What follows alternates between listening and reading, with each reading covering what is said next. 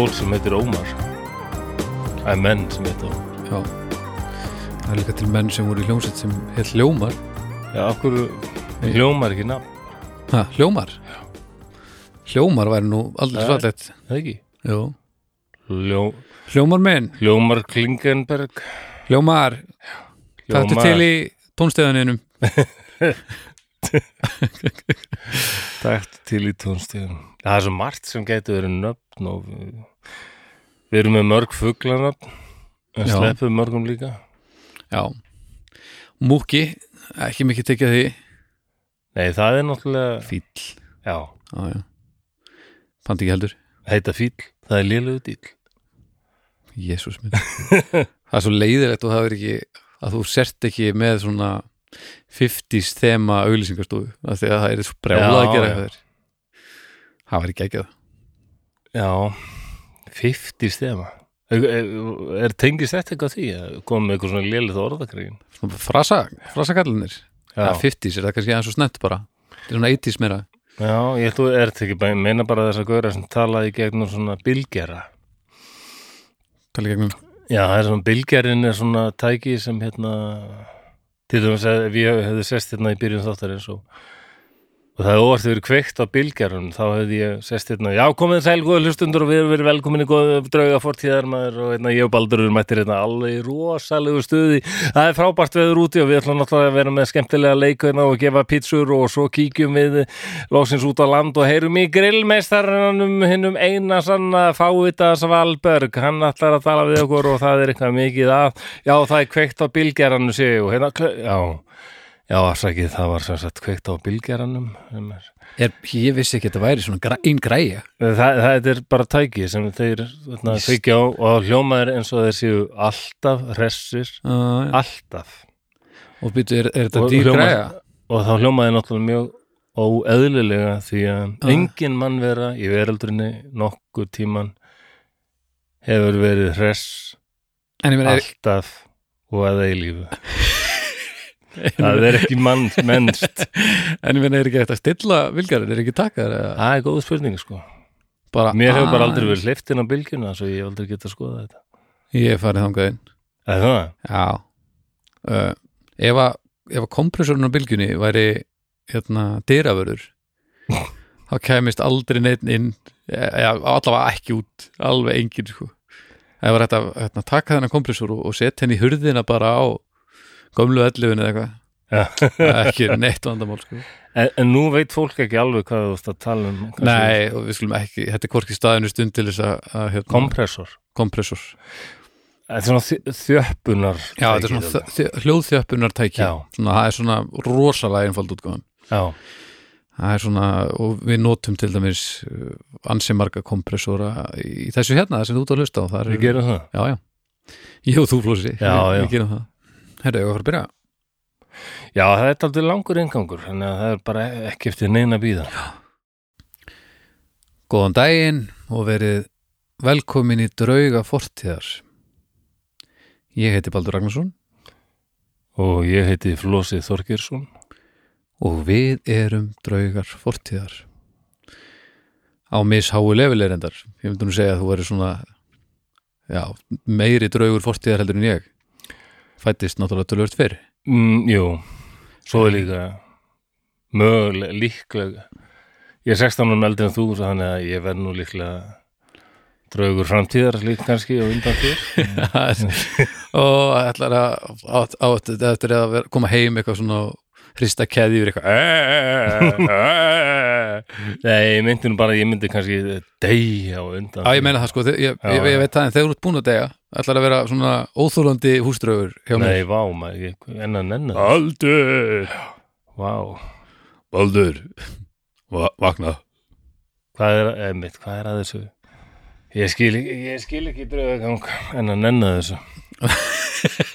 Alveg ótrúlegt. Og þetta er svo er þetta brot á persónu vendalögum líka að vera fylgjast ósynilegur með ykkur fólki, sko. Þetta er ekki lægi sko Nei, og líka bara, ég held að sé ekki verið að virða kvildar tíma og, og veist, það er ekkit ég held að sé ekki að fá þann hádegismat sem að átt að fá nei, Þetta er rúmlega vinnudagur yfirleitt að halda út til hérna, reimleikar sko. nei, nei, þannig að þetta er liðlega dýl sko. já, bara kallir þetta leika, þetta verður ekkert að gera með leika. Stjættar félög aftur gangna eru ekki að standa sig sko. það er nú bara þannig. Nei, e, þú ert komin hingað til þess að fræða okkur enn innan ferðina. En áður við gerum það þá ætlum við að minnast á, á hljóðkirkjumál. En mánudagar, dómstafur það kom þáttur í fyrra dag um, við í dag á morgun er það svo snæpir tala við fólk og föstudaginn best á platan e, svona rúlar þetta viku eftir viku. Mhm. og ég gerir mér ekki alveg grein fyrir hvort að flestir sé að droppa inn á eitthvað í alla þætti eða hvað sko en, en maður hefur svona ekki alveg tilfinningu fyrir því en, en ég tala við nokkra sem að sem að hérna, hlusta á allt alveg bara bara eins og, eins og páarnir segja þeim að gera. Nú og það? Já, já, þannig að það- sem er frábært sko. Já, það er mjög gott að, að ég sé ekki svo eini sem heyrir allt saman. Því ég er að vinna allt það- þú, nei, það verður að taka púlsinn Nákvæmlega, nákvæmlega. Þannig að þetta er dagskráin eins og, eins og síðustu vikur og, og, og það er gott og gaman. Þetta eru allt svona þættir sem eru pingu líkir en samt mjög ólíkir eiginlega. Já, það er svona formatið svipað svona eitthvað. Já, sumul, já af, svona af miklu leiti sko. þetta er, það er náttúrulega einn þáttur sem svona hérna, er svolítið með sérstuðu það er snæpið tala við fólk Já. af því að þar kemur alltaf nýr og nýr viðmælandi í hvað tott en hinnir þrýr, þeir eru svona já, svona svipaðu grunnur sko. Þetta er svona vinskapur sem færist í, í mikrofóna og, og fjalla um mismikla þvælu, myndi ég Já, segja og einmitt. af mismikilli vangetu já, já, já en, þeir eru náttúrulega tekið ótrúlustu hluti fyrir er rétt. Já, það er brútalt sko. Og svo erum við náttúrulega með, með doktor í tónlistafræði að tala um músík í bestu plötinu þannig að þetta er, þetta er góð koktel sko. Já, af vangetu og, og, og þekkingu. En allt byggist þetta nú á vinskap. Já, og náttúrulega og, og, og trúnni á hljóð. Og trúni á hljóðu já, Já, og það er held ég það er mín uppáhalds trú, hljóð. Já það? Já, hljóð er bara hljóð er held ég mitt ótt sko það er mitt uppáhalds Þú ert Elskar að tala um hljóð. yfir höfuð, ekki tónlist heldur. Nei, ég bara hljóð Já. Ég bara, bara sem ég eyru og þau virka og, og ég fá að leika með hljóð hvort sem það er í músík eða ekki Þetta er bara allt sko. Já, hljóð er æðislega. Hljóð er snillingur Ég sko, mér finnst hljóð líka oft svo fyndin. Já, Ég stundum bara í strætó eða eitthvað staðar og það kemur eitthvað hljóð. Ég fengi hláturskvært í flugvel út af því að það var eitthvað svona ótrúlega hlægilegt hljóði í hjólabúniðunum eitthvað svona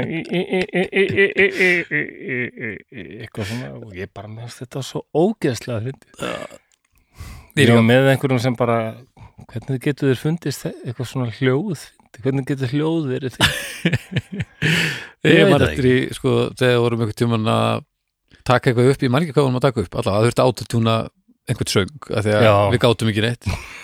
Og það er ekki það auðvitaðst að ég heimi fyrir þig. Um leið og að byrja að autotúna ef þið hafið heyrt það þegar það verið autotúna raddir uh, ef ég man eftir því þá get ég mér sér bara hérna, syngda þess syng, já, ég skal gera það, kannski þægilega að eiga við mínu rödd. Ok, Draugar fortíðar, þeir eru hér og við erum til í turskið og svo autotunaði þetta núna og þá hljómar það svona Draugar fortíðar, þeir eru hér og við erum til í turskið en þegar það er vera autotunata þá hljómar þetta svona þegar maður er að laga hérna, tónhæðin og svona.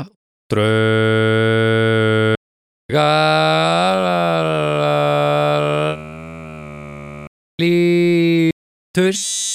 líturski við er- við er- við er- erum til í turskið og það er þetta sem að gengur gjörsala frá flosa.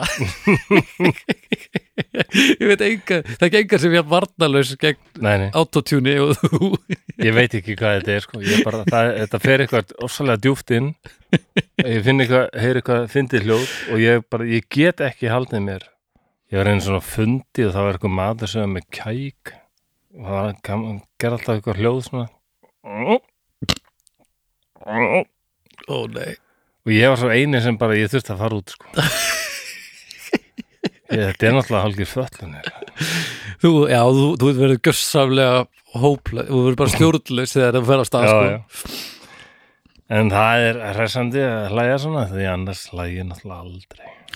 Nei, þetta er náttúrulega mjög erfitt alltaf mann. Já, en, já, en hvernig ertu svona þar fyrir utan? já, ég veit það ekki. Ég veit það. Jú, ég ég er einhverju mjög undarlegri. Ég er svona frekar bjart sín hef trú á hlutunum en, en uh, kvíðin og kvíðin gerði rosalega áhlaup á mig um daginn. Því fyrir þetta, ég leiði nefnilega íbúð. Það er bara ekki hægt á Íslandi, ég nenni því ekki lengur. Nei, nei. Og svo var hún komin á sölu og ég sá fram á æð þar að flytja eftir og þá, þá þá stekkur kvíðin fram. Ó, hvað gerist, hvað gerist, þú veist ekkert hvað er að fara að gerast Já. en einu sinni ert í laus og lofti flósið Þorkesson þú veist ekkert. Átt að fara til hægri vinstri, þú veist ekki neitt. Auðmikið flósi Þetta er nýr kvíði, þetta er ekki róbokvíði, þetta er eitthvað annar kvíði. Þessi kvíði var bara svona eins og einhver í Men in Tights eða eitthvað. já, þetta er, þetta er eitthvað svona skóarálfur sem stekkur fram og hvað ætlar að gera, ó, ó Fyrir svona ógistuðu leperkon svona ískur svona. Flósi, þú getur ekki neitt. algjör gerpi sko. Æ, en ég menna, finnur þér ekki bara íbúð og, jú, ég held þetta já, ég held þráttur allt þetta væri allt í lagi en ekki? já, þetta reddast alltaf vendanum sko. Þú Gerir góða að líka maður, að, að hjóla allir í þetta með þér sem, ef þú vilt það. já, merkilegt nokk maður. Já, já. Herðu, Er það, ég með aldrei mikinn lestur. Já, uh, við skulum bara fara, fara, hérna, hella okkur í þetta. já, Ertu reyðbúinn? já, ég segi oft svona, ef að komið með eitthvað svona frasa við skulum setja fingurna á andaglasið og ég veit ekki alveg með þetta andaglas. Nei, það er pínu svona það er pínu svona, það er 80s það er full 80s sko. En það er nú ennþá verið sko svona Ouija boards, þetta er alltaf að koma fram í hryllingsmyndum og svona. Já, já, það er nostalgíumál sko. Já, það er, það er enginn að koma með nýja andaglassetti sitt veist, nei, líklega ekki. Eitthvað svaka fínt. Nei, nei. En við skulum samt sem áður við erum að búa okkur undir að fara aftur í fortíðina og við ætlum nú að særa fram drauga fortíðar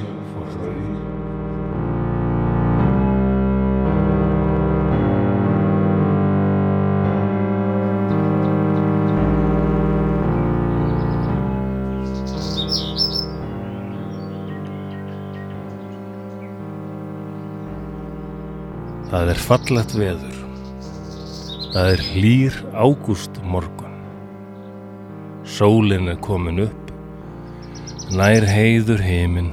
Fuglar syngja. Enn er smá mistur á jörðinni en sólargeislarnir munu eflust hrekja það á brott innan skams. Já, venjulega myndi maður slaka á og njóta veðurblíðunar en það gerum við ekki. Fyrir okkur er þetta versti partur af starfi okkar. Þessi eilífa byð.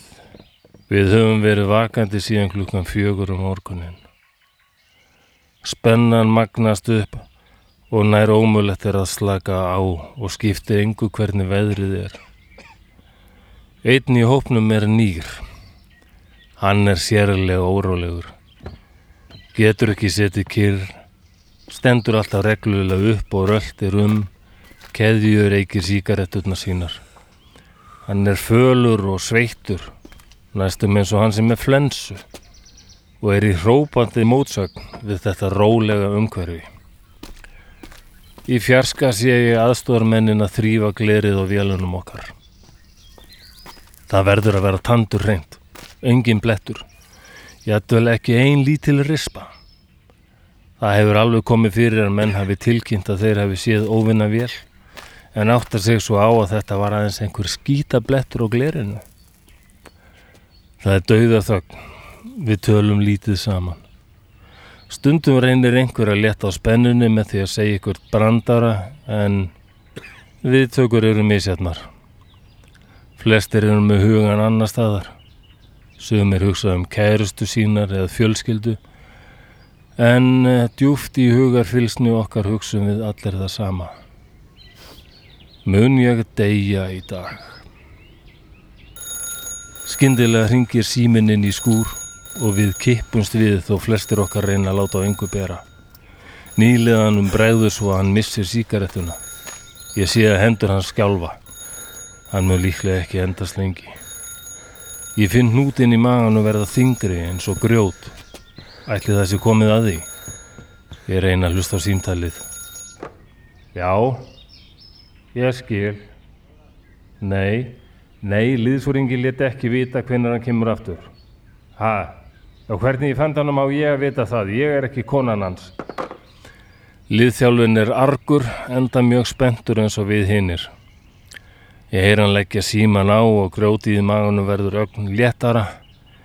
Nýliðin er eitthvað að reyna að spjalla, vera vinalegur. Unditættir úr daufar, jætvel frekar rannalegar. Það borgar sér ekkert að eignast vini hér. Það er bara erfiðara þegar þeir deyja. Ég hef líkum annað að hugsa. Það pyrra mig alltaf að ég hef ekki enn náð að skjóta niður flugvél. Ég var handis um að ég hefði náð að skjóta niður stúka steipiflugvél fyrir nokkrum dögum, en ekki fannst af henni tangun ég tetur. Flestir hefa náð að skjóta niður að mista kosti eina vél. En flugliðsfóringi minn hefur sagt mér að slaka á. Tækifærið komið fljótt og af nógu séð að taka. Það er rétt hjá honum. Þjóðverjarnir virðast eiga endalust af flugvilum og komana er daglega. Þeir hafa algjörlega vinningin er kemur að tækjum og liðsafla. Flugmið þeirra eru vel þjálfaðir og hafa reynslu frá Spáni, Pólandi og Fraklandi. Margir okkar eru nýliðar, en við erum ákveðnir í að láta þá hafa fyrir hlutunum og höfum ímislegt sem hjálpar við það verkefni.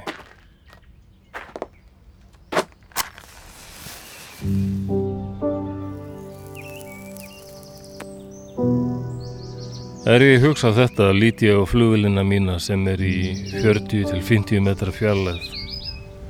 Það glampar á skínandi stálið. Grjót nullungurinn verður jættul enn léttari er ég horfið á þessa fallegu flugvil. Supermarine Spitfire, einn besta vorstuvíl í heimi. Skyndilega ringir síminn aftur. Liðþjálfinn svarar áðurinn ég veit af er hann komin í dyrnar ringir bjöllum með miklum látum og öskrar af lífs og sálarkröftum Af stað, strákar, látið þá finna duglega fyrir því. Við hendust af stað. Flugvirkarnir starta flugvilunum. Fuglasungurinn druknar í vélardíðin er allar Rolls-Royce vélarnar fara í gang samtímis. Ég stekk upp á vangin. Fallifin mín er í sætin og ég skelli henni á mig. Ég sest í sætið Flugklefin er svo þröngur að ég get ekki eins og haft hendur með síðum. Ég festa mig hjálminn, tengi súrætnis og radioleðslutnar. Flugvirkin minn rýfur start snúruna úr og skellir aftur hlemminum á vélinni. Ég gef honum þumal upp og gef í. Vélinn byrjar að hendast eftir grassflötinu. Sætið er í uppreistri stöðu en samt sé ég ekkert hvað er fyrir fram að mig. Það er eitt af því fáa sem Hurricane-vélinn hefur fram yfir spilfæði. Úsinnið er miklu betra. Vélinn hoppar og skoppar en svo liftist djelið og hún hættir að hristast. Ég kom inn í loftið. Þótt ótrúlegt sé þá finn ég til léttis. Þetta er skárra en að sitja og býða. Nú er þó eitthvað að gerast. Ég íti á bremsuna nokkru sinnum til að hjólinn hætti að snúast. Aðeins þá get ég dreigið hjólabúnaðinu. Ég nota hjólapumpuna hægra megin til að draga upp hjólinn en heldum stýripinnan með þeirri vinstri. Hjólinn komin upp og ég set sætið í lægstu stellingu, dreg glerið yfir og fluglifin er nú lokaður. Ávaðin minkar ögn en er ennþá ærandi, enda elsneiti skjöfin í botni og yfir 1000 hestöp draga 2700 kílóa vélina upp í loftið á fullri ferð. Nú heyrist skyndilega í talstöðinni. Lorak leðtogi, vektor 230, óvinir 100 pluss englar 2-0.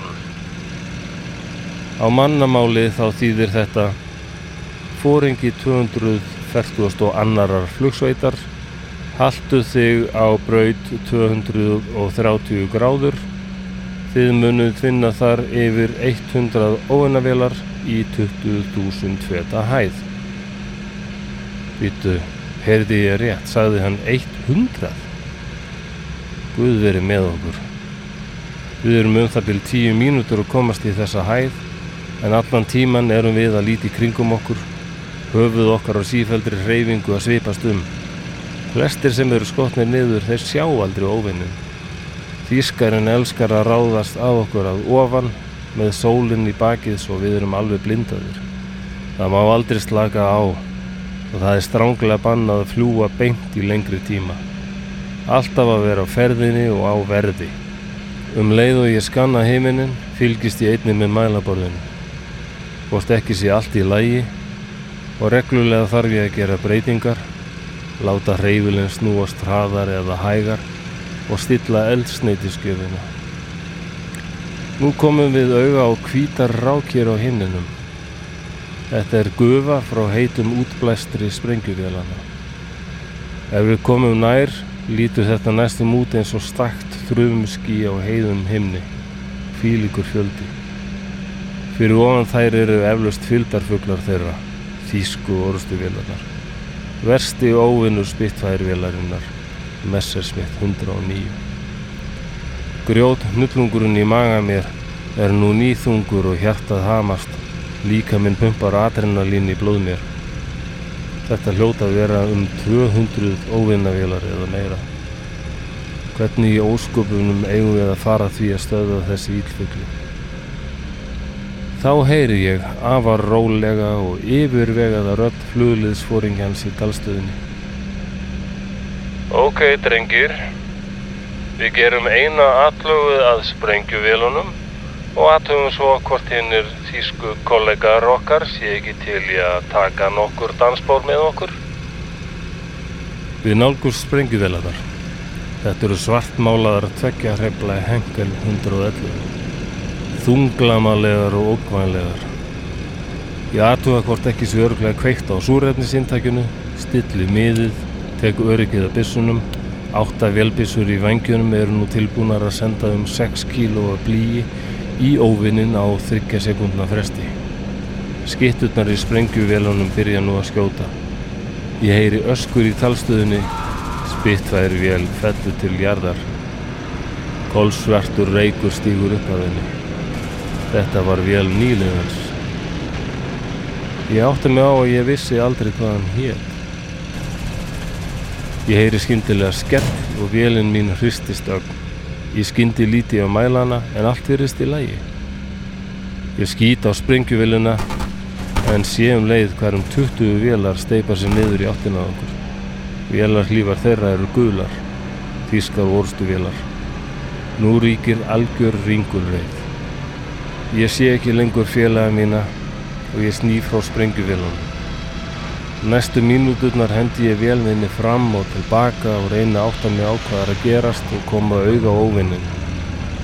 Þú ert yfirleitt með vél í sikti aðeins í sekundu brot og erfitt getur verið að átta sig á hvort það er óvinnur eða félagi.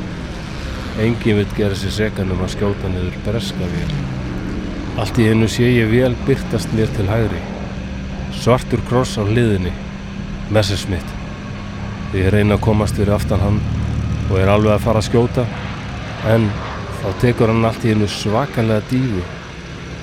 Ég er á leiðin að fara að gera það sama en mann skindilega að það get ég ekki. Því þá myndi spittfæri vélun drepa á sér. Svo þýska getur það því hún er með beina bensín innspýtingu. Ég verða að snúa vélinni á kvolf og toga í stýri. Nú stefni ég beint niður og þá get ég rétt vélina af. En ég hef mist dýrmætar sekundur. Ég sé þýskaran hvergi.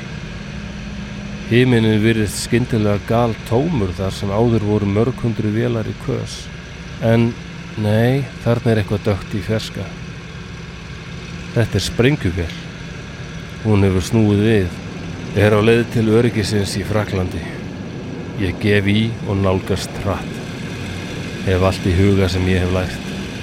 Ekki skjóta fyrir vélinn fyllir upp í framrúðuna hjá þér. Ég mið á annan hreyfilinn.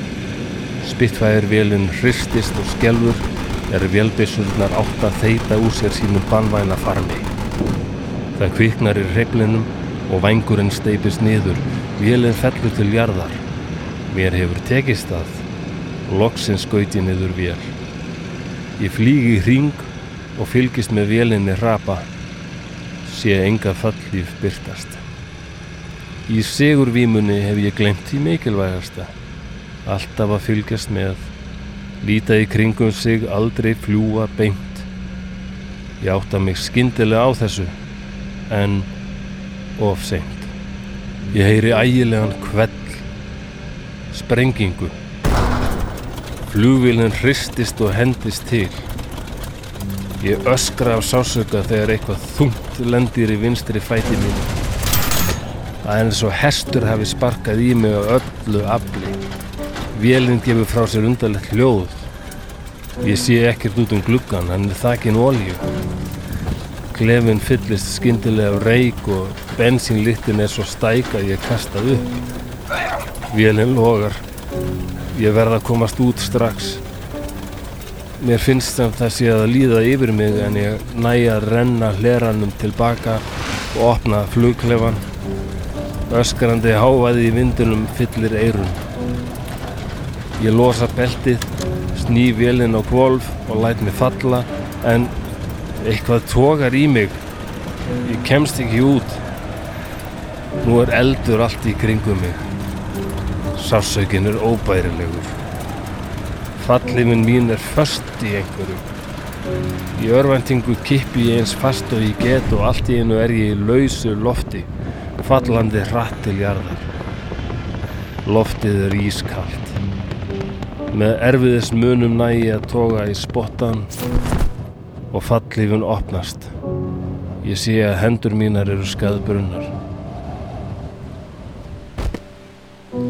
Ég lendi á stóru engi en ég hef verið skotin í vinstri fótinn og get ekki gengið. Það síðasta sem ég mann er að traktor er á leiðinni til mín.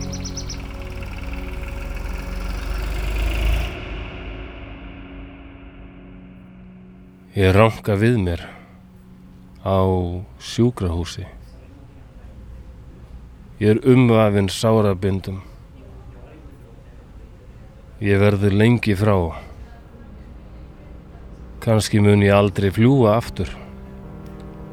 En hei, ég skaut niður þýska flugvill.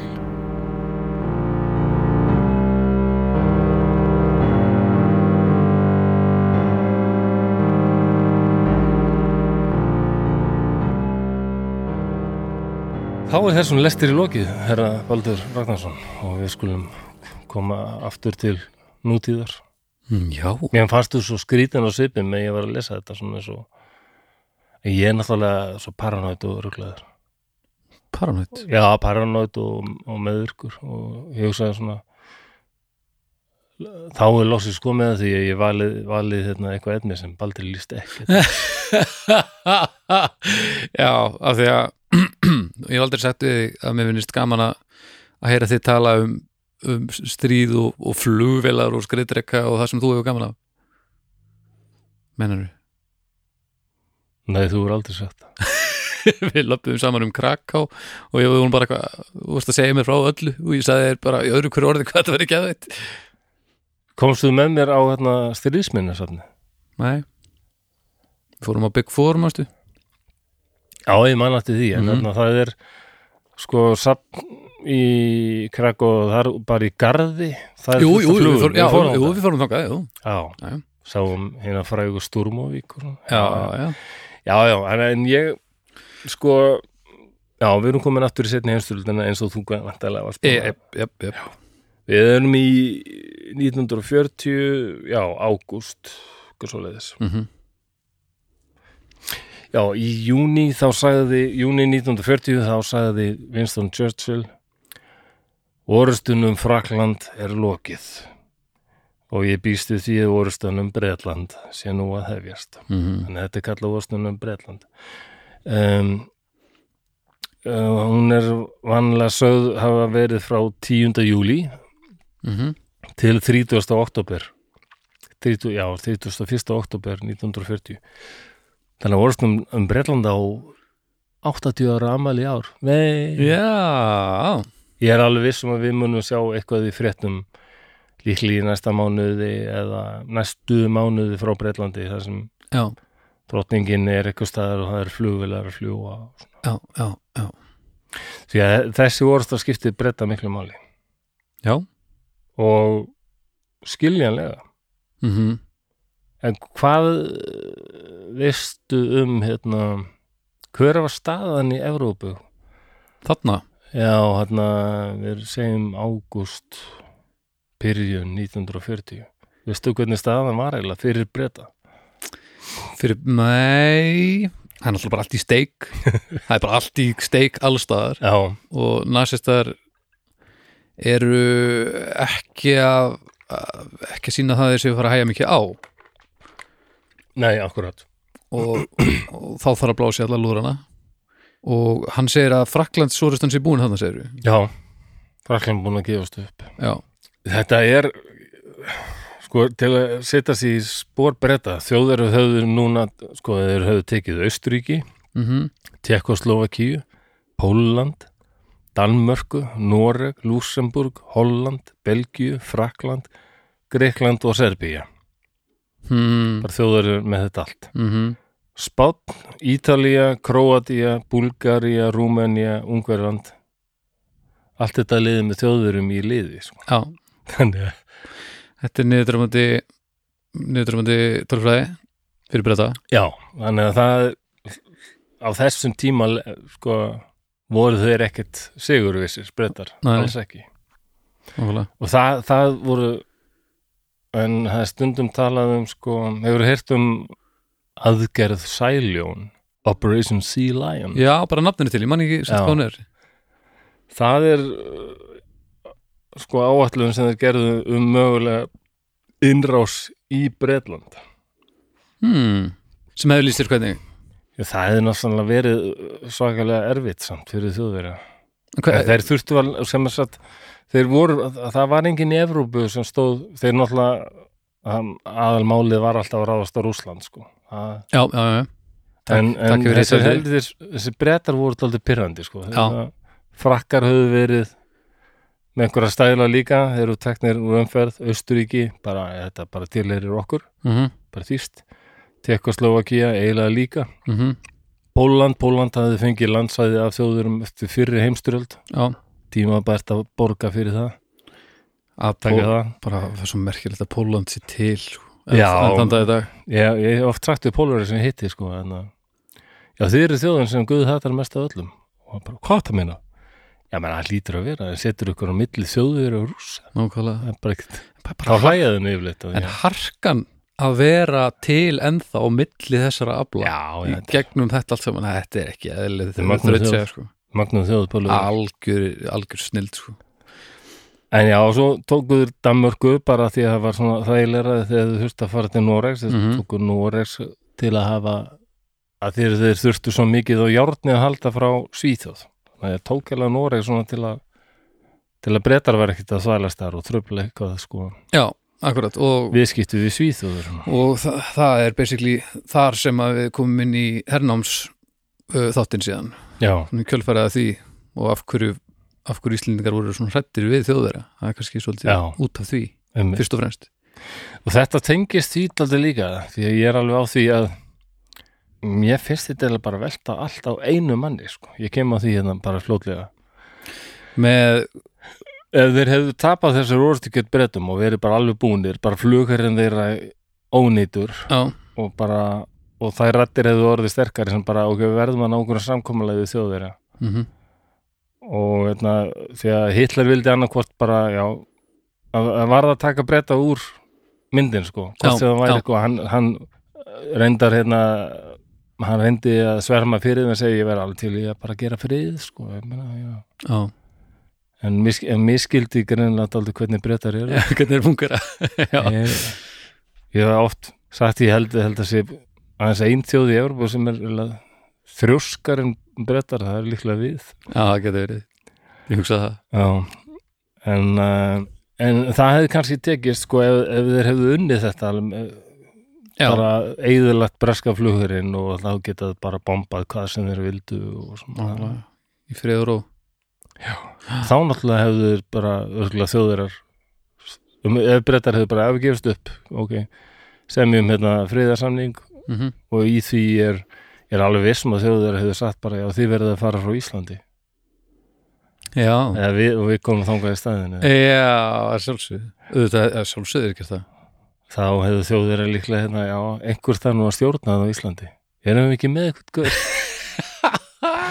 það vinnur okkar verður ekki lag. Já, æ, helvítis íslenska pakk, verður en gyðingar. Þá hefðu nú afar okkar og ömmur eða langar og lafar aðeins annars stemmari verðin er í ríkjum á Íslandi það er já, ekki hvernig það hefur verið. Þannig að þetta tengis Íslandi að vissu litum finnst mér. Já. er ég að missa þráðin hérna? Eh, ekki þú finnur hann aftur. Þetta er fyrsta Þetta er gott svar. Bara skam Því ertu svona æðislegur? Wow. Það eru fyrsta Þetta eru fyrsta orsta söguna sem fer fram engöngu í lofti Já. já. Ég tók lendar ekkit niður neitt mikið að tölum svoleiðis. Ég veit að breytar mistu alveg 15-1600 flugvelar ok, og um, hvað voru að tala um? Sef, nei, ágúst nei, júli til oktober já, júli, oktober, þetta er en, en aðal mánuðinir eru ágúst og september Já. ok, og það, það bara já, stefna þjóðar var bara við þurfum að taka hana breska flughæður úr umferð. Já. hvernig gerum við það eiginlega? og er bara lama breyta þannig að þeir bara neyða þá til uppgjafar eða hreinlega bara svo við getum gert innrás. Já. en breski flughærin er fyrir sko. Já, akkurat. En þjóðar að vissu að þeir hefðu alveg sko fjóra flugvelar um, þar sem breytar hefðu bara eina ég held að, einum átti fjórum, já, það var eitthvað svoleiðis. Vá. ég held að meira sko. Ok og þýsku flugmennir hefðu allir miklu meiri reynslu eins og kom fram þetta frá, Mhm. við erum bara til Spáni, Pólandi og í Fraklandi akkurat breski flugherinn hefði miklu færri menn mm og bráðu vantaði menn og það er aldrei gaman að því að í, í breska flugherinn voru líka eins og kemur fram í þessum myndum voru pólverjar og tekkar og hérna, náttúrulega frá hinum löndunum hérna eins og Ástralíu, Suður Afriku, Kanada -hmm. Nýja Sjálandi en það voru líka flugmenn frá Belgíu, Fraklandi meira sem komu nokkur frá Bandaríkjunum. Ok, og frá Pólandi og Tjekkoslovakíu ég veit að Tjekkar er allavega búin að gera eina mynd mm sem heitir Big Blue Heaven eða eitthvað svoleiðis, ég man ekki. Ok. Sem er um tekniska flugmenn sem flýja til Englands og gangi breska já, og það var margir pólverjar og þeir, þeir stóðu þessu rosalega vel. Og eins og eitt bresku flugum að það sagði sko, ég meina, við hötuðum þjóðverja. Þessi gaurar, þeir þeir, þeir hötuðu þá. Já, já, já, they really hated og veitna, þeir stóðu þessu mjög vel sko. Ok.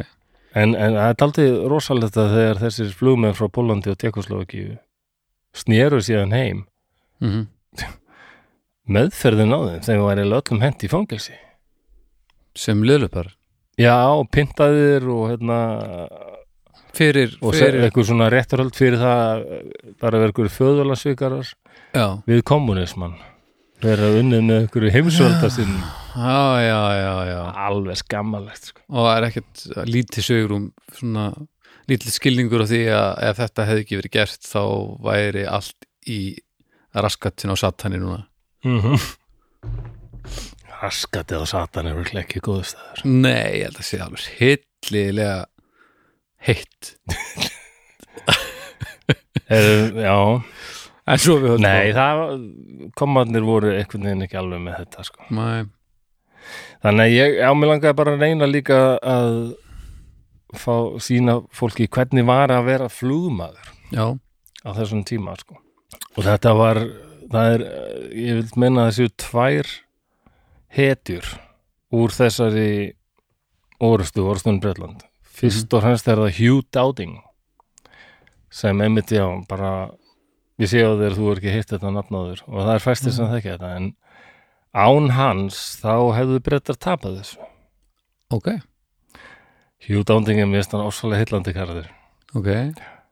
En ég held að hann hefur liðindi gaur leiðinda? Já, Já. algjör frekja rosalega þrjóskur, hann kallaði Stuffy Ok. að hérna flugmunum Já. því að hann bara brosti eða aldrei og bara, ah, en menn sögðu brandara þá bara, hann bara svaraði ekki ok spurði hvort hann hafi verið eitthvað Asperger eða eitthvað sko. Já, ok. hann var svo hreinskiptin að það er að láfið að væri bara móðgandi sko. já, já, hann var ekkit mikill snillingur þannig í svona sósjál ekki góður sem pólitíkus Og hljómar ekki eins og hann hafi verið að leita sér að vinum nei, alls ekki Nei. hann bara sá hérna, þetta er það sem það þarf að gera. Mm þá bara skipti ekkit annað máli og hann hann var hann, hann, hefði, hann var flugmarskálkur já, ok.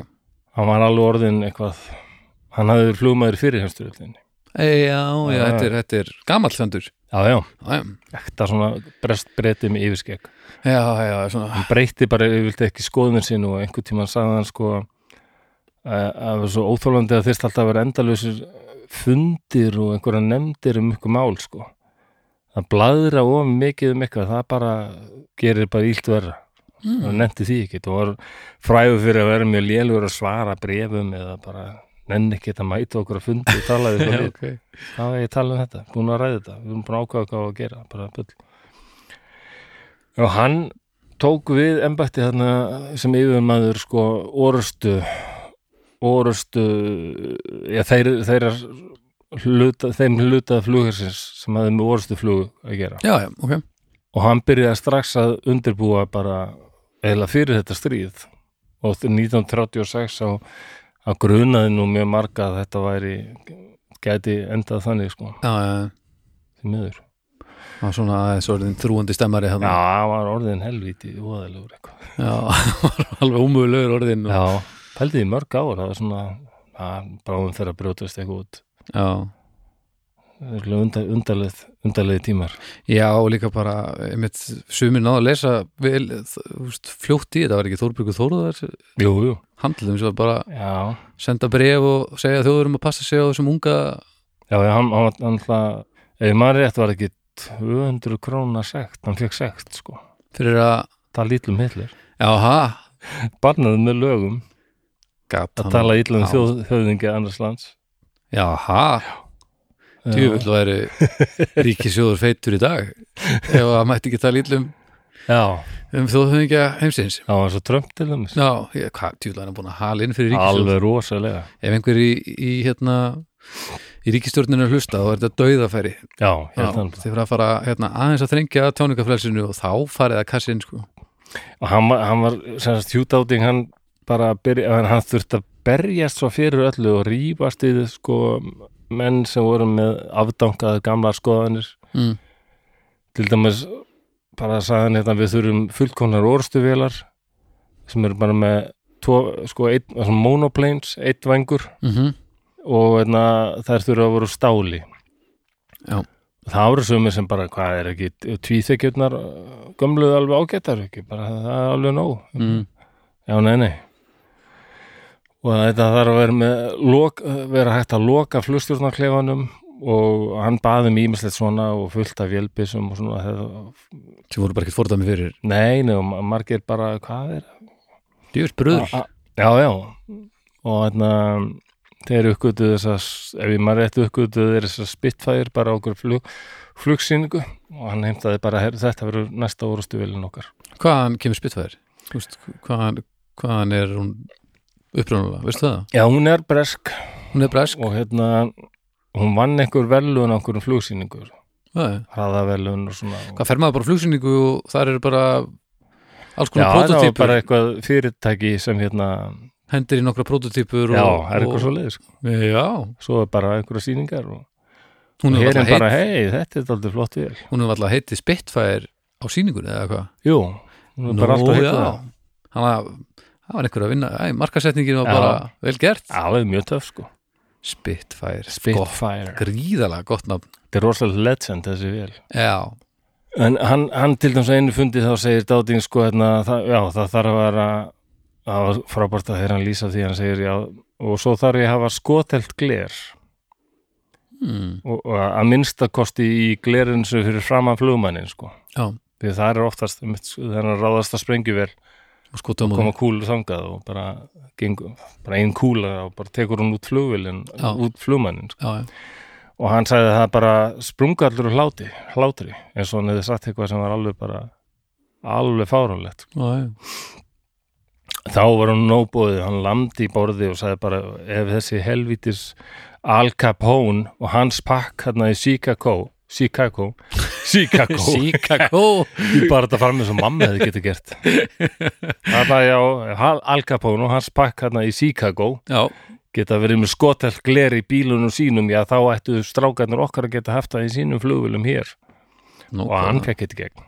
Næs en eitt af mikilvægasta sem hann átti að sjá það var ný, tiltölulega nýju uppfinning sem líka gerðilega gæfi munin Mm. þetta er í hug hvað það er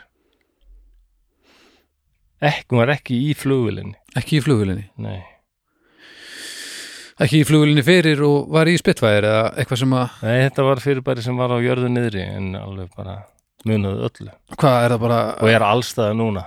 Á öllum skipum, í öllum flugvölum Bara staðsendingar já, eða svona Svona radar? Bíp. Já, staðsendingar bara ra radar uh, staðsendingar Radar, búnaður já.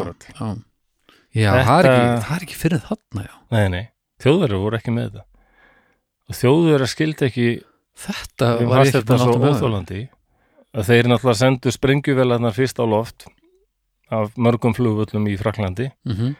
og þær þurfa að taka þær smá tíma sko að komast upp í 20.000 veta hæð Mhm. og sapnast saman og koma sér í formation Já. sem sagt í hérna Í hvað Og það formation? þeir alveg í Bretlandi það er lið, liðsskipan eða Já, einhver svona uppröðun Eitthvað. Er eitthvað orðið yfir þetta? Já, pottet, en það kemur, það kemur.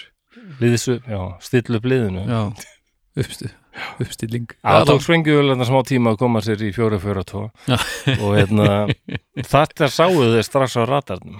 Já, já, veit ég hvort þú sé myndir frá þess að voru líka það voru mikið margar konur sem unnu í flughörnum. Já það voru mikið í þessu sko að það var risa kort hefur kannski sé mm það var herbyggið á risa kort sem síndi alveg ströndina bresku, vermarsund. Og svo byrjuðu byrjaði þeir að sko að það setja eitthvað svona kuppa. -hmm. og það stendur fyrir sko sprengjuvelar hvar þær eru núna sko, rattarnir já, sínir já, hvar þær já. eru. Og svo eru þær búin að koma sér fyrir og þá byrja þær að fara yfir Ermarsund. Mm en rattarinn veit hvar þær eru. Já, það breytir svolítið miklu um aður og svo þarna þýsku orðstu vel að fóra stað sem það er setna það eru fljótar að klifra Já, og koma sér fyrir og breytar vita bara strax og, já, þetta breytir alveg rosalega miklu. Þetta breytir öll og Dáding áttaði sig á þessu líka og hann bara barðist fyrir því að það eru settar upp, upp ratar loftnet bara allstaðar þannig að það var ekki þetta wow. fljúoti breytlands áður án þess að þeir vissu að þér. Þegar hann er að berjast fyrir þessu Hvað er hann gamall? Ve- Veistu hvernig hann fættist? hann er fættur á uh, hann er fættur á 19. öld eitthvað tímann hann var barðist í fyrir heimstyröldinni allan sem ekki hef ekki verið fættur ekki 890 eitthvað Já, þannig að hann er Ég bara pæli þetta er svolítið róttakar pælingar sko Ég já, bara pæla 1940 hversu- en kannski verið svona um 50 eða rúmlega 50 bara magnaðan hafi ekki verið partur af hinnum öllum hann hafi séð þetta svona skýrt og já, náða að lemja þetta svona í gegn? Það er alltaf sumir eru þannig og aðrir eru Já, ekki. sumir, já, nákvæmlega, sjá, um, sumir, sumir sjá bara Já. í, í gegnum allt. Og þetta sem ég var að taka, tala um hérna, náttúrulega Churchill kom aldrei til greina eitthvað að semja við þjóðverja og flestir breyta voru sama máli en það voru nokkra rættir á þinginu sem, sem leist ekkit á þetta. Nei, eðlilega ekki, þetta leit ekki dölu Nei, nei, maður stutt síðan Dunkirk til dæmis síndi Já. bara Nákvæmlega já, það leiti ítl út. Já, en það er ratarinn, það er alveg ratarinn gerði mjög mikið. Og þegar þjóðverðinni voru komnir þá byðu breytarnir eftir þeim bara í, í loftinu sko, mm. Þetta er merkilegt. En ég meina, já, það er ekkit sérstaklega gaman að vera að fara held í svona orustu með, með tölfræðina 1.4 Úff, og nýja yfirstana húst, sögu húst, Nei. þessar úrstur og, og bara þetta hefur verið alveg hillilega strempin tími sko. Ekstar fann ég þá tölvu sko að um, 2946 flugmenn börðust í orðstunum Bretland og 537 létust. ok, Mjög margir, það voru mjög margir sem hérna særðust líka illa. já, Það er eh, vegna þess að í flugvölum sko bensíntankarnir í Hurricane og Spitfire þetta mis, mm, voru hérna fyrir framann flugmennin sko. mm Það er önnur hetja hérna í úr orðunum Bretland finnst mér. Það er nýsjálensku læknir sem heit Archibald McIndoe.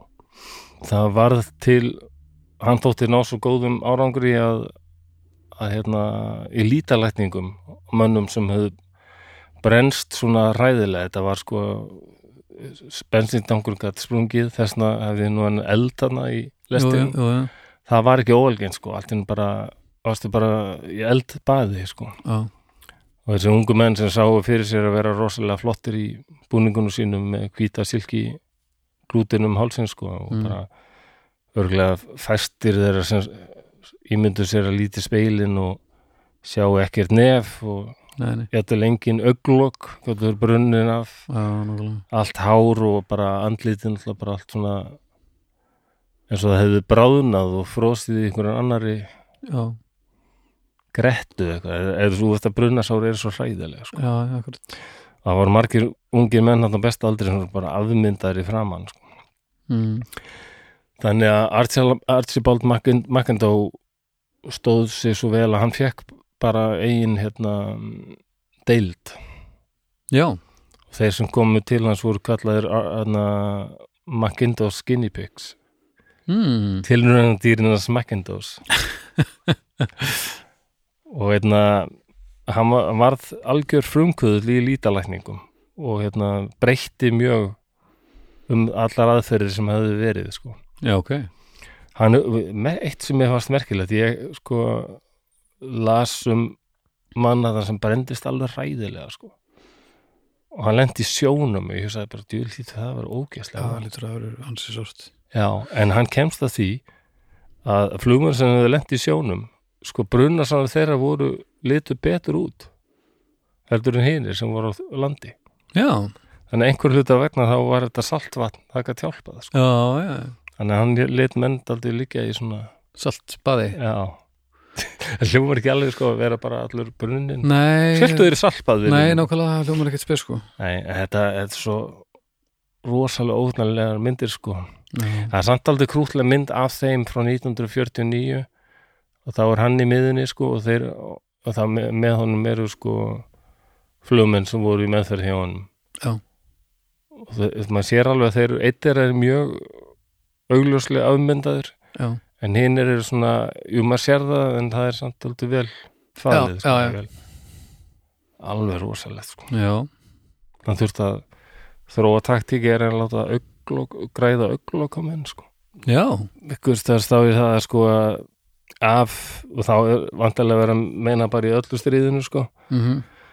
Af sko 4500 her- flugmönnum sem var bjargað úr uh, flugulum sem hefðu krassað sko. Mhm. Það voru um, um 3600 af þeim höfðu mjög alveglega brunasár. Og þannig að þetta var mjög algengt. Já. Og það var ekkert Og það voru- það var ekkert hægt að gera í þessari hönnun og vélinni? Þá hefðum bara ekki virkað. Jú, það var setna með það var nú farið að reyna sko að, að, að, að hérna, hafa bensintankin örgari sko að hafa Ok. brinn, einhverja brinnvörn í kringum hann og svo. Já, já, já, oft og svo í mörgum velum voru þeir færðir út á vangina en það gætt samt líka verið hættulegt. Já ég meina sérst en Spitfire, það var aldrei gert neitt fyrir fyrir tonkin á þeim vélum. Það er urðu bara að vera svona.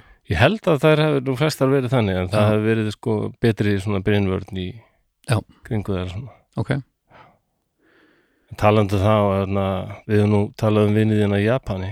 Já, Þeir þeir eru alveg klikk hvað er þetta um? Kamikaze? Sturlað lið. Kamikaze, Nei, hérna Mitsubishi Zero orðstuvilin, sko, sem var alveg rosalega vel. Já, en það var bara engin brinnvörn nei, neitt, ekkert fyrir flugmannin eða bensintankin eða neitt. Nei, hún átti bara að vera eins létt og mögulegt var. Nákvæmlega. Bara strípa þetta, strípa, Já. strípa, strípa. Já, það var, það var ekki verið að horfa mikið í, í gildi einstaklingsins. Herðu, já, uh, eitt eldsnögt eftir með spurningu? Já, Ég er ekki búinn, nei, ekki endilega sko. já, nei, nei, nei, nei ég, ég veit það en sko, mér langaði bara til að til að hérna spyrja það út í vélina sem þú verður með á móti, Ah, Messerschmitt hvað getur þú sagt mér um hana versus Spitfire, þú varst að tala um að að það er þessi beina bensíninnspýting Já, sem kemur í veg fyrir að Spitfire getur dýft sér fra, sem sagt fram. Guð, það kemur svo mikið nörd upp í mig núna. Já, Það það er það sem, tala ekki alltaf lengi. Jú, þarna, en þetta er, þetta er það sem við viljum sko. Spitfire getur ekki stungið sér nefið hann- niður. Hún er að snúa sér á kolf Já, hún verður að fara í split S Já. eins og svo það kallast. Og það er af því Það að að hann, hann get, þíski flugmaður getur bara ítt stýrun bara beint fram og vélinn bara stingur nefið bara hrinu niður. Mm og hann bara fer beint í dífu hún það ekki vélar af spilfæri eða hörgin, þá drepur hún á sér. Af því að það var uh, karburator. Ég er ekki góður í velfræði karburator. Já, svona karburator innspýting. Ok, þannig að það var ekki hægt en það var svona bein, ben, bensín innspýting eða inngjöf í þessari þýsku. Ok, og ef ég mann rétt þá las ég einhver staðar að breskur hérna sendir á starfsmæður í Belgrad. Mhm. Hann var hérna bara að sata okkur kaffehús og kemur alltaf maður og s- og leggur pakka hjá hann og labbar burt. Og breytin bara hm, þetta er eitthvað merkilegt. Og fer bara með pakkan burt mm. og kíkir og sér þá okkur vélarhlut. Og það, þeir skoðu þetta þess að þið sendir á þennu og eitt segir, þetta er þýst Mhm. þeir fatta að þetta, þurfum við að senda til leinþjónustan og leinþjónustan færi það og þeir fatta að heyrðu, þetta er bara svona hlutur úr Messersmith 109 orðstu vel? Bara Já, við insight, þurfum ekki að skoða þetta. Alveg in, bólakæfi insight information úr vélni Já, já, svo glemmaður þessu bara. Nei, Jú, þetta var bara sett upp í hillu, þú erum að skoða þetta. Ah, eitthvað og var þetta, En seinna meir þá urðu spittfæri vélarna þannig að þær drápa ekki á sér við. En gáttu gert þetta Já, þær var semst um, um, ögn hraðflegari heldur en þýska Messersmith vélin ok, og mun uh, liðugri, liprari vélar. já, Þjóðverðinni gáttu ekki farið í svona hefðbundin dogfight sem er sérst að vélarna flýga í ringa eftir korannari og reyna að komast eins mikið inn í ringin mhm að þær ná að komast fyrir aftan hérna. Þetta var ekta svona fyrir heimstyrjaldar. Já. En þjóðverjar notuðu meira einmitt þetta boom and zoom. boom and zoom? Já, því að þeir, hún var svo góð í dífu vélinn þeirra að þeir bara reynda að sjá okkur að vél úr lofti, þáttið Mhm. eins og bara fálkið eða örn gerir. já, Steipa sér niður, mhm, helst þannig að hún kom ekki auga á því, mhm, skjóta og svo bara wow, framhjá og klifur aftur upp. já. Bara svona flugleyniskittur næstu því. Já, og þetta líka, já, staðsettir sig þannig að, að þú sért í sólinni. Já, það er alveg bara, það er alveg klassik bara frá fyrir heimstyrjöld. já, já, og þetta er alveg klassist sem að við í leikopnum lottur reynum að forðast að setja sér sett alltaf þegar maður stillir barnaleikus úti þá þurfum við að passa að sólinn sé á okkur en ekki augun á áhörundum Já, og þetta er svo basic þegar maður er búin að gera þetta í 13 ára eða eitthvað. En þetta er svo alls ekki basic þegar maður er að byrja. Þannig að þú veist maður hefur sínt sýningu fyrir fyrir hundra mann sem sjá ekki neitt sko. Þannig að þetta það getur var- heldur, ímyndist, já. heldur betur breytt öllu sko. En núna munurinn á orðstu flugmönnum í dag og, og núna sko, það er bara það verður að vinna með þessu unnur skildi sko. Já, já. en þessi tíska vél, hún, er hún sagt, eldri en spyttfæðurinn Það eru svona, hún er aðeins eldri en það eru svona mikið til frá sama tíma sko. ok, og hún, hún hafði betra já, hún er ekki eins liðug mm en hún var samt mjög góð vél og hún var hérna, hafði fallbissur já, sem er svona, já, ég minni að það er 20 mm sem sk- skjóta svona kúlum sem springa. Wow. þannig að það var mjög hættulegt að þú varst fyrir skoti úr messismið þá yfirleitt var þetta bara búið sko. En svoleiðis kúlur, þú veist, hvað, er einhver skekkjumörk, þú verður að hitta beint í vélina eins og venjulega, hún hefur ekkert engan radius. Er þetta einhver, þú veist, springaðir, springaðir Já, það springa þegar að lenda Já, þeir að lenda, Já, þannig að það er ekki þannig að þeir springi, geti sprungið og það sé einhver radius heldur verður hvað sem er að hitta. Já, ég held að það sé örgulega þannig. Já, ég meina að sjálfsögðu að því að þú skýtur ekki bara út í lofti og eftir einhvern ákveðin tíma og þá springur hún og það vil svo til að sé flugvél í liðin og þetta er mjög heimskulegt að Já, það já. svona uppátt. En, já, já, og en sem sagt þjóð breytar það kemur þjóðurum á óvart. Ég meina þeir eru búin að taka öll þessi lönd það ætti að vera bara öllum augljóst og þeir bara þeir rúla, þeir bara já, en þessi breytar samt eru með stæla sko. Já, þannig að, að Göring byður um þetta ég bara, lufthafi getur alveg séð um að klára þennan flugherri þeirra. Mhm, bara bombum, bombum skjótuðum vélarna þeirra og endanum bara mhm, En þetta fór að vera alltaf pyrrandur í þau þeirra sko, allt aftur fóruð þeir yfir Bretland mhm, og Bretlandir eru bara mættiðir aftur og aftur og aftur og aftur. Mhm, á rosalega á, álag á bresku flugmannunum sko. rosalega. Þeir fengu aldrei frí. Nei, þeir voru bara að vinna sjöta vikunar já, já, og það var, þú voru heitt þessa frægu setningu. Aldrei hafa jafn margir átt jafn fáum jafn mikið að þakka. Já, Churchill sko. Já, já, já. Já, hann hefur ákveðið að taka út þessi vindilin til þess að hendir laumin einu gullkorni. hann var náttúrulega með alveg rosalega ræður strax sem ungur maður þá spá ég því að þú hefur heyrt ræður með Churchill. Nú ætla ég að fara með ljóð. Ég ætla að fara með á ennsku í byrst afsökunar á frambyrði ég ætla að reyna að gera þetta breskum frambyrði þetta verður mjög íkt og hallarslegt en æ, sínum mér eh, skilning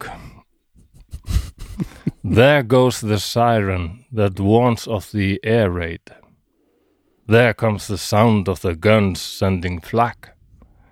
Out for the scramble. We've got to get airborne. Got to get up for the coming attack. Eh, Kveikir eitthvað á þessu Baldur Ragnarsson? Baldur Ragnarsson, hann kveikir ekki á þessu, hann veit ekki hvað ég er að syngja. Það er ekki að syngja, ég er að fara með ljóð. Ok, Já, næsta. Jump in the cockpit and start up the engines. Remove all the wheel blocks, there's no time to waste.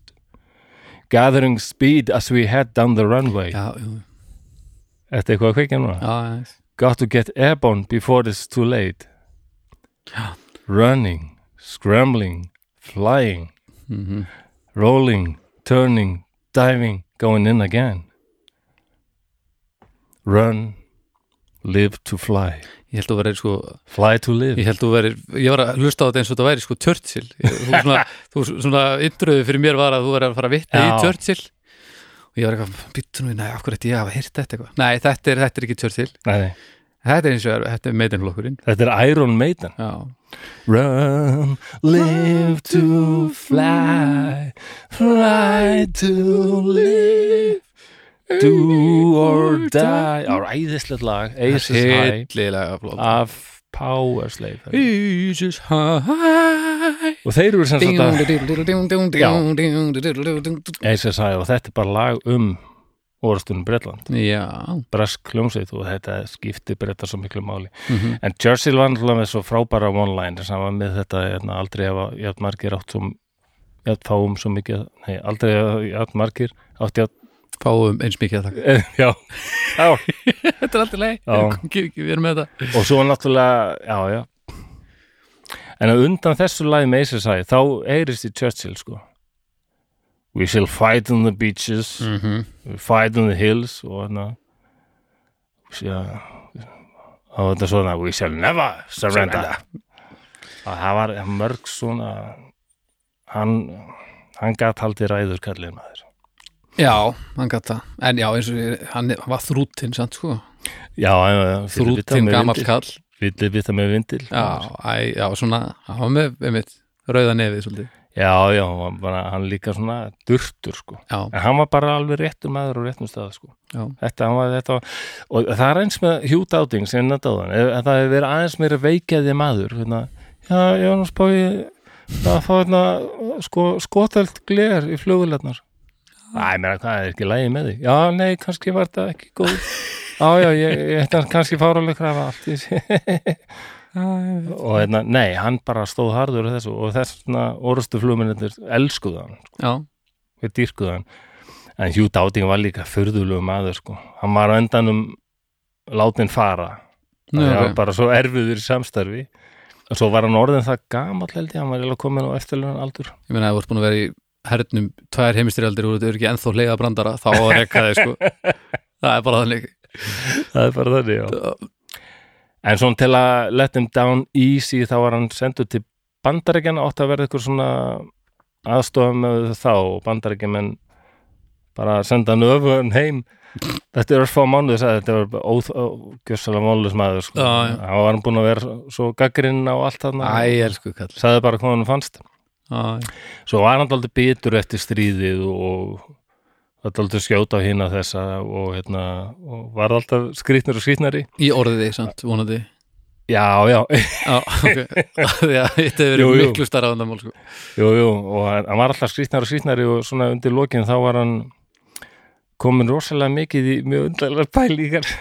Hann var til dæmis orðin frekar hátsettur í stjórn hins breska álfa vinafélags. Já. The Fairy Society. Af hverju? Jú, jú, hann bara hann spurður um það, hann sagði, já, bara skóarálvar eru mjög mikilvægir fyrir moldina og, og, og gróður jarðar og það þarf að hlúa þeim og við erum alltaf mikið að senda senda hérna jarðítur og allskyns skóarhaug og svona, við þurfum að passa upp á álvan okkar. Við þurfum að Ég vil fá skotall gleri í alla hóla. Já. Magnað. Æ, það er ekkert annað maður. En, herðu, Já, já. það, það sem hefur aðeins stað, er svona aðeins gleymst. Ok, að fara í gegnum orðustuna Getur stiklað svo stóru hve- hvernig hún fór fram? Orustan Já, þú veist hún, er, hún spannar þessa mánuði. Já, Þeir eru einn á móti fjórum. Já og er þetta endur tekin atbyrðarás yfir þennan tíma? Eða hvernig, hvernig þróast þessi orusta?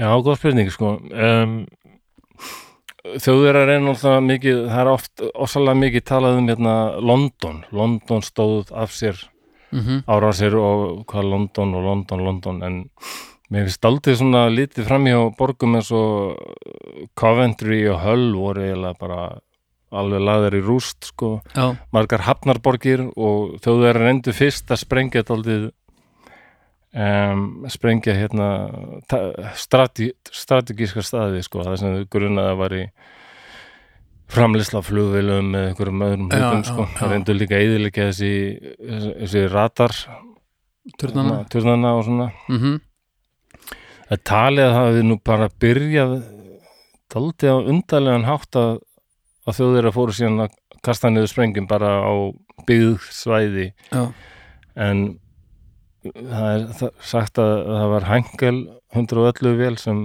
viltist ok. og var á röngum stað og hendi niður sprengjum og það lendi bara ykkur íbúða hverfi Já, og, og einhverju letust og, og brettar ákváðu bara þjóðverðar trúðu því ekki að brettar getur sko gert árás á Berlín en brettar ákváðu það bara, við skulum bara sína þeim. Já, og sendu bara nokkra sprengjuflugla sem flugu allar litið Berlín og bombiðu Berlín sem var alltaf sjokk fyrir þjóðverja. Og Göring hefði sagt sko að það bara ekki nokkur möguleiki á því að brettar geti gert þetta.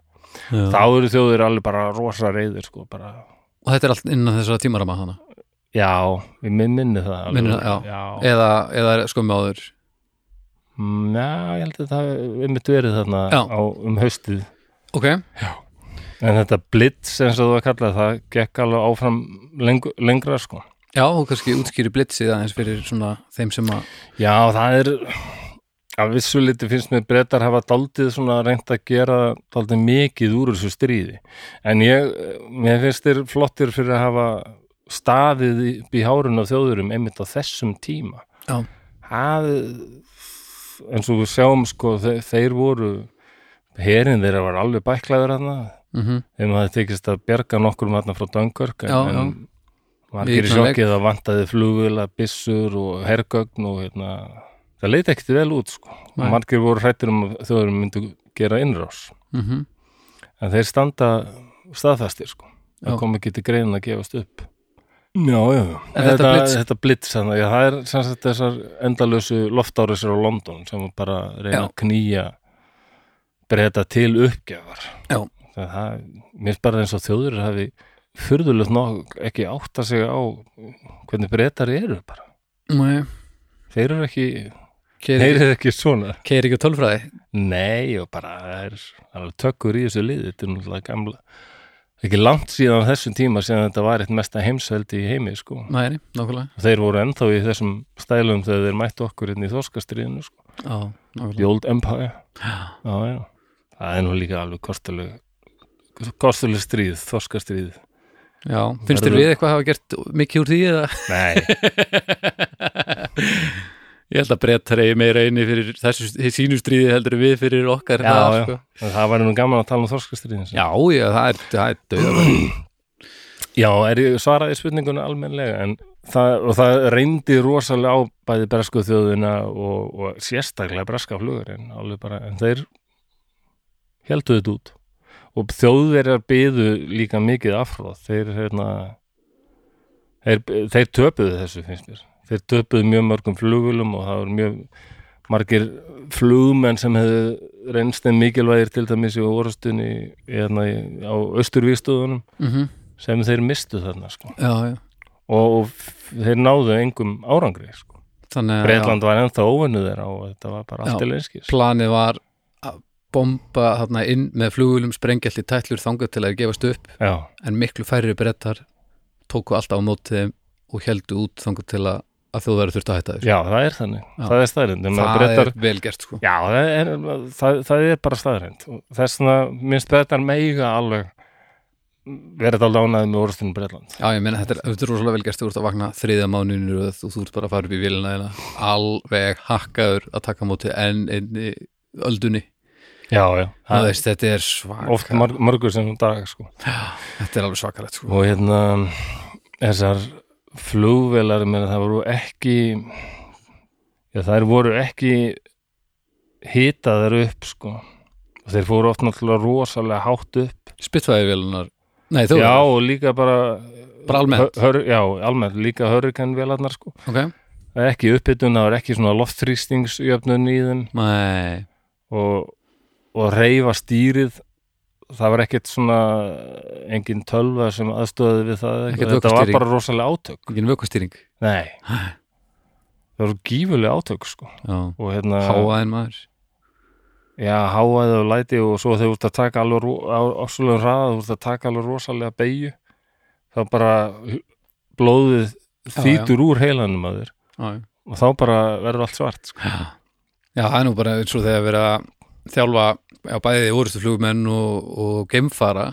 Mm snúnings, NASA, snúningsvélin hefða já, vídjóin af því þegar að fólk er að sjá hvað þólir já, það er rosalegt. Það er held ég ekki gaman. Þess vegna held ég að konurinn er blæður rússar föttuðu þetta. Já, konur getur góðir orðstölum en sko, já, almennt minni og þetta var svo þröngt inn í þessum vélum sko, já, já, léttari og það er stittra frá sko lungunum almennt upp í heila Mhm. á konum sko. já, já, já, að það var alveg konur í rauða flugurna sem hérna, voru bæði orðstuflugmenn Mhm. og henni Lydia Litvek er miklu uppáldið mér því hún var að lita þessi alltaf áður en hún fór Já, flugurstu sko ok. okay. vera og hún þess að já já púraði sig og, og sett þessi varalit og hún fór upp í vilina já, það er stórgóðslega lýsing af því þegar hún sko, skaut niður þýskan flugmann og hérna, þeir voru ennþá ykkur svona prúsnesku rittarafíling og hann kræðist þess að fá að sjá rúsneska flugmannin sem náði að skjóta mig niður mm. og rússarnir voru að glottu já, þetta vissum það já, endilega og þá komaði með litið hún var varla 1.70 hæð sko. já, já. bara svona lítil og ljósærð sko. og þýsk þjóðurinn var alveg brjálaður helvitis þetta finnst ykkur fyndið það þetta og þá bara byrjaði lítið að bara lýsa bardaganum. Ég náði þér þegar óst að fara í doppelspinn eitthvað þarna til hægri og þarna, þú gerir mistök þarna. Þið gerir þetta alltaf lúttvafi rússarnir bara áttuðu sig að því að lúftaffi flugmennir þeir flugu eftir alltaf ákveðnu kerfi. Já, og kemur aðein kem, þú kemur aðein kannski frá vinstri og aðeins undir. Mm þá beigja þeir þess átt og svo gera þeir þetta og þetta og þetta. Bara handbókin alveg. Já, handbókin, akkur rússarnir fór aldrei að læra þetta. Das handbók. Og hann var að viðkynna þjóðurinn en hann var alveg auðvist þessi litla stelpa hefði skotið hann niður. Og svo Já. voru þarna na- náttúrulega nætur nornirnar alveg, ég held mjög upp á þær sko. nætur norðinnar já, það eru kallað það night, the night hags þjóðir er hötuð þær alveg rosalega maður. þær voru á svona gömlum uh, tekja tvívengjum sem ekki var mikill mótorháfaði í. Ok, og voru með nokkra sprengjur og það eru flugu að nóttu til. Og þess vegna mátti ekki eins og reykja síkarettu sko, það var að vera alveg mm. en ef eitthvað klikkaði og var með ljós Mm þá komu þær að. Það eru oft slöktu sína mótornum þannig að velin flög bara. Bara já, og svo hentu það niður sprengju sko. og þá bara allir sem voru sofandi að hendust allir að fætur og svona, já, svo voru þær fattar brott, svo eftir tvo tíma kom kannski önnur sko, það alveg þóðir að hötuðu þær sko. þær voru bara í svona terror. Og voru rússar fyrst og fremst í þessum já, þetta er, nú eru konin allt inni bara rúsneska það er allt í lagi. Já, eða ekki? Jú, byttu, þetta er bara svo gaman.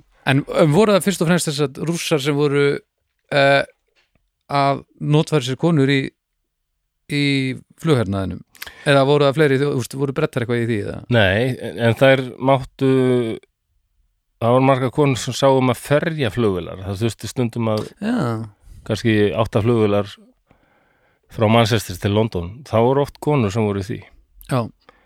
Og eins og Elisabeth Drottning hún var, hún var að keira og bifilavirki en, en ég veit ekki hvernig það hefur verið hjá brettum og flug sko. ég hef heyrt það, hún sé alveg bara bíla óð og þrusu dræfur já, hún var bara, bara já, í, í akstrinum.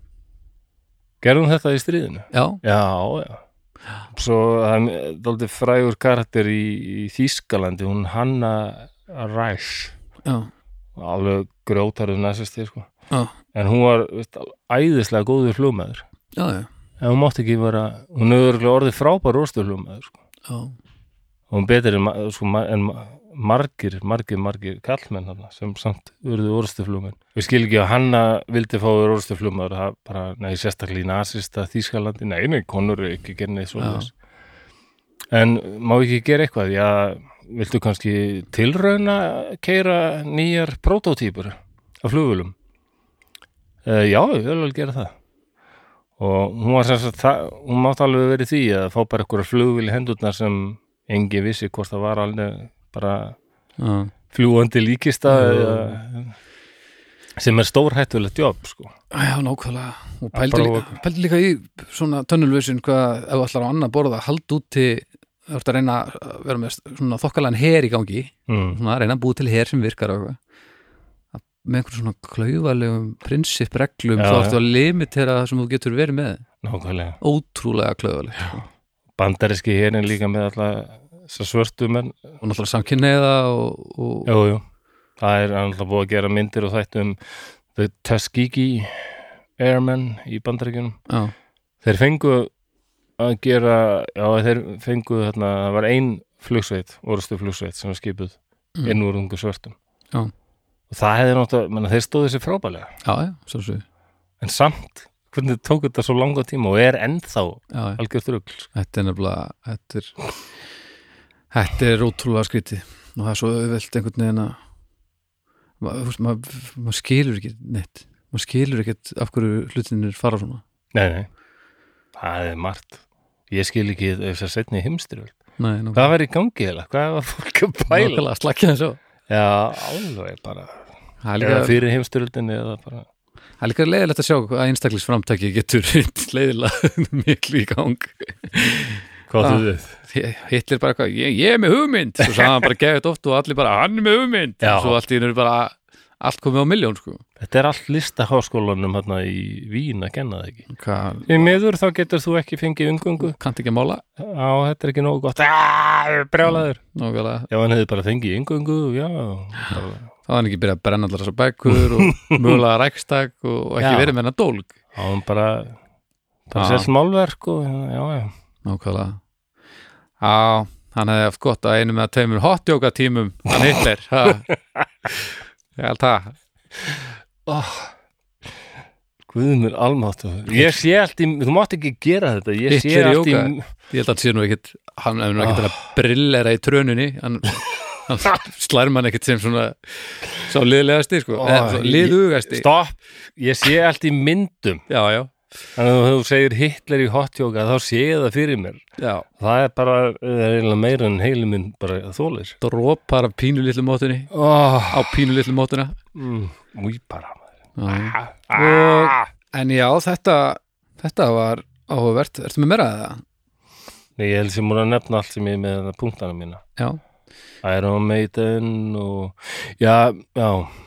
Ég sá ég gleymd að tala um það að þegar breskir flugmenn sem hendur sér út í flugvel ef þýskur flugmaður sá það þá skaut hann á manninni fallífinni sko það á mannin í fallíðinu Já, það var þeim var sagt að gera það.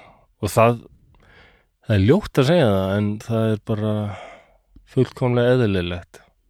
Í stríði? Já, að þeir eru yfir sko bretin lendir og hann er bara komin í loft hann lendir fellinu, hann bara komin Já. í loft næsta dag sko. Já, og þetta gerðu síðan hérna, bandarískir og breskir flugmenn í hérna, setnaði stríðinu þegar voru að berjast yfir sko, Fraklandi eða Þýskalandi. En ef að brettar skutu niður þýska vel á Bretlandi?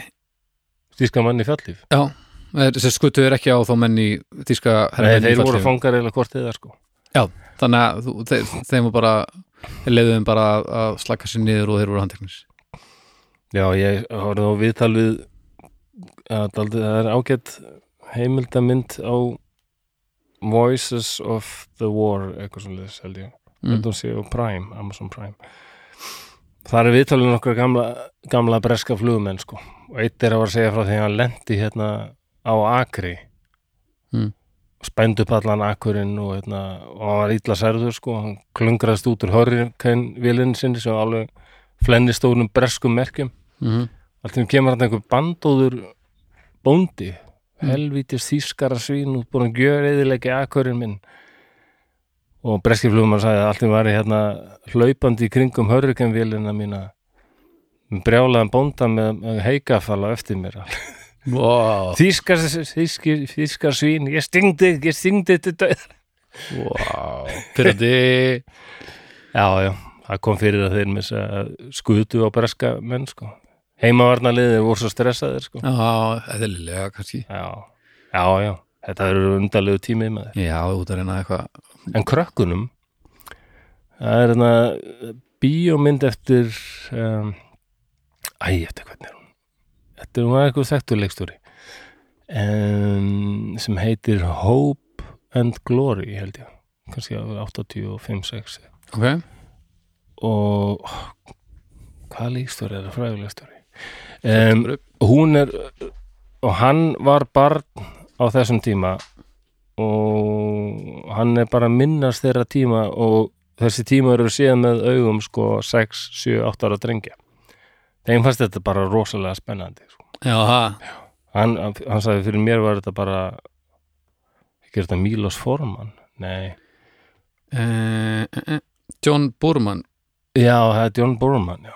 hún er fín sko, er flott Já, Ég sá líka viðtal við hérna, mann sem sagðist að hann var sex ára og hún fannst þetta bara rosa spennandi og svolítið gaman sko og bara vildi helst vera að fylgjast með þegar að flauturna fór í gang sko og heyrðist í vélatinninum sko. já fara út að horfa. Já, en svo hann sagði, en eitt, eitt skipti þá fóruðu sko niður í byrgið svo þau komu út sko þá fann hann allt í henni eitthvað á jörðinni og hann held þetta að vera kjúklingur og bara, ei, vá maður það er kjúklingur það, við getum bara kjúklingkvöld. Svo kom hann nær og tók þetta upp. Það var þetta hendin af 55 ára gamalli nágranna konu hans, Já, hendin af henni sko, ennþá með giftingaringin á aha, og hann sagði þá allt í hennu bara á sifstundu þá var þessi sex ára strengur þessi sex ára strengur var ekki barn lengur. Maður átt að segja nei þetta er ekki drossalega skemmtilegt. Nei, stríðið er eiginlega bara frekar ömulegt þetta er, já, þetta er svolítið afleitt. En er ég búin að svara almennlega? Já, Einhverju. ég held að hérna, þetta var, skemmtileg. Við fórum við víða völl. Og ég hérna, held að ég sé með, með uh, óska þátt eftir eftir hérna þetta spjall núna. Að ég er eiginlega með tvo óska þetta. Annars vegar þá myndi ég vilja fá bara svona farartæki í, í stríðshernaði. Mm, eitthvað svoleiðis. nei, og kannski flugvilar bara, kannski skriðdrega bara en það verður gaman bara svona eitthvað úræður í. Og svo var ég til í líka konur í, í, í stríðsrekstri Já, úst, í hernaði. Já, já. Hven hermenn hven herrkonur Ég var alveg kynnt með það aldrei, sko. Já, það verður gaman að fá svona að því að núna ég fikk bara tendi sem að spyrja þig bara endalist út í þessar rúsnesku Já, e, nornir og þetta. Þannig að kannski væri eh, ef þú, ef þú serð einhver starf færi á einhver tímann í, í framtíðinni þá væri gaman að heyra um, um þær allar sko. en ég, ég vildi bara svona lögmis að þær þú meldir þetta og svo bara tekur þetta til greina eða ekki ég var svona hardcore nörda þótt bara þarna þú veist ég Var elska- Tiger betri en Sherman já spurning. bara ekki spurning þú ert líka með þú, eh, þú ert með lægið á því að láta þú finnur alltaf leiðina til þess að gera þetta áhugavert fyrir einhvern sem veit lítið sko. það er bara að gleyma ekki almennu yfirferðinni sko. Ég er- er spenntur að vita viðbröðum við þessu, sko Já. Já, Eh, er eitthvað meira sem þú vilt koma inn á eða? Aldrei við fatta þessar litlu hendur á Tyrannosaurus Rex. Til hvers? bara nefnda ekki. Það eru ekkert að, nú, úst, líku fyrir hvað það voru að nota þær í eða? Nei, ég veit það ekki. Það var ekki bara eitthvað svona upp, Bara upp á grín eitthvað? Bara eitthvað vandræðlega fimmur og ekkert annað, ég veit ekki. Nei, Ég hef aldrei fattað þetta. Ég held að þetta hafi verið hinn vænsta eðla en hafi bara verið svo þetta Út af þessum höndum. mænsta eðla. Þetta er setting sem ég aldrei heilt aður Jæja, ok eða, eða að eina sem þeir gerðu með þeim var að klappa þegar þeir voru glaðar. Ég held að það sé það, því að það gátt eiginlega ekki gert neitt annað en að klappa. Þannig að ef þeir eru spenntar á klöppu það er svona það, það er kannski eina sem það getur gert. Getur ekki það var líka ástæðan fyrir að það dó út. Ekki borða með skeið, ekki stunda sjálfsfrún nei, og ef hendur get ekki gert þetta tvent til hvers að vera með hendur? Segðu. Klappa, þau voru spenntur. Já, Mm. klappa, já. Herðu, uh, það er Lugkirkjan aftur, það er uh, dómstæður við snæpi tala við fólk og besta platan. Mánudagur, miðugdagur, fymta, föstaður alla vikur, þannig að þið tekja á því. Þið finnið þetta allt saman á Facebook umræðu hópur drauga fortíðar þar er ímislegt búið að vera í gangi alls konar skemmtilegt. Um, ef þið hafið tíma og tök á þá væri gaman að þið getur gefið ykkur stund til þess að fara og gefa ykkur stjörnur þættinum hér og þar, það er búið að vera að teka svona dettinn uh, reglulega núna og það er frábært, þá verður þetta meira sýnilegt og það er meira gaman eftir, því fleiri sem eru að hlusta, því meira er gaman fyrir okkur sko, það er alveg þannig. Mm. Um, eitthvað sem þú vilt bæta við? Já, bara endilega að fá viðbröð og ábyrningar og allt, það er bara frábært Já, við höfum fengið góðan slurk af ábendingum um, um efnið þetta inn á um drauga fortíðar umræðu hópur á Mhm. Facebook þannig að ef þið eru ekki þar nú þegar þá eru þið velkomin og, og getið tjáð ykkur þar og, og skoða það sem fólk hefur verið að segja um, En um, við held að við höfum þetta ekki lengra að sinni Nei. Og við kveðum þá niður drauga fortíðar en við heyrumst aftur að viku liðin Það held ég Bless, bless. Já.